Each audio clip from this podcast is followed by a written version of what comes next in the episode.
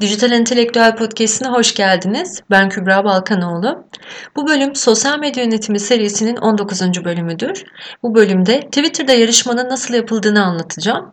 Yalnız bu bölümde bu konuda çok ayrıntıya girmeyeceğim. Çünkü Instagram'da yarışma düzenleme podcast'inde bir yarışmanın ya da çekilişin nasıl yapıldığını oldukça detaylı anlatmıştım. Bu podcast'te Twitter'a özel olan ipuçlarını vereceğim. Bu podcast'i dinledikten sonra Instagram'da nasıl yarışma düzenlenir konulu 6. bölümü de dinlemenizi öneririm. Twitter'da yarışma düzenlemek takipçilerle etkileşimi artırarak takipçi sayısını artırmada, yorum beğeni almada ya da satışlarınızı artırmak için en hızlı sonuç alabileceğiniz çalışmalardandır. Ancak başarılı bir yarışma için de bazı noktalara dikkat edilmesi gerekiyor. Twitter'da yarışma ya da çekilişe başlamadan önce tüm yasa ve yönetmeliklere uygun olduğunuzdan emin olmanız gerekir. Yasa ve yönetmeliklere uymak da sizin sorumluluğunuzdadır. Bu konuda avukatınızla da görüşebilirsiniz. Öncelikle isterseniz Milli Piyango Dairesi'nin nakit olmayan piyangolar ve çekilişler hakkında yönetmeliğini inceleyebilirsiniz. Bu yönetmeliğin linkini açıklama bölümüne bırakacağım. Yasa ve yönetmeliklere uygunluğunuz varsa bir de Twitter'ın genel kurallarına da göz atmanız faydalı olacaktır. Bunun da linkini açıklama bölümüne bırakacağım. Tüm koşullara uyum sağlayabiliyorsanız çalışmalara başlayabilirsiniz.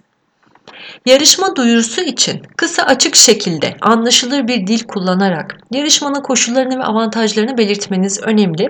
Yarışma kapsamında yarışmaya son katılım tarihi, yarışmayı kazanana verilecek ödülün ne olduğu ve yarışmayı kazananın neye göre belirleneceği gibi tüm detayları açık bir şekilde ifade edilmesi gerekiyor.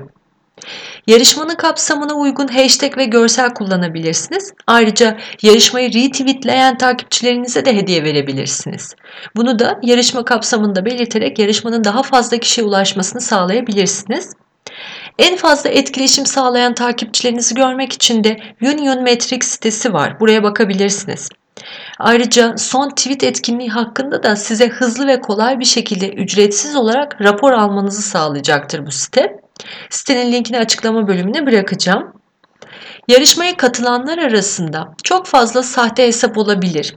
Kazananı seçerken sahte hesap olup olmadığını profillerini mutlaka inceleyerek kontrol edin.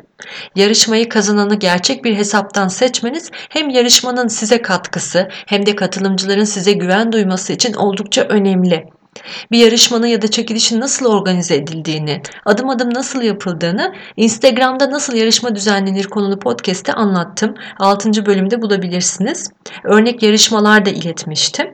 Eğer yarışma ya da çekiliş yapmayı düşünüyorsanız işe başlamadan önce mutlaka dinlemenizi öneririm. Bu podcast'te anlatacaklarım bu kadardı. Podcast'in tüm erişim kanallarını açıklama bölümünde bulabilirsiniz. Kendinize iyi bakın. Sevgilerimle hoşçakalın.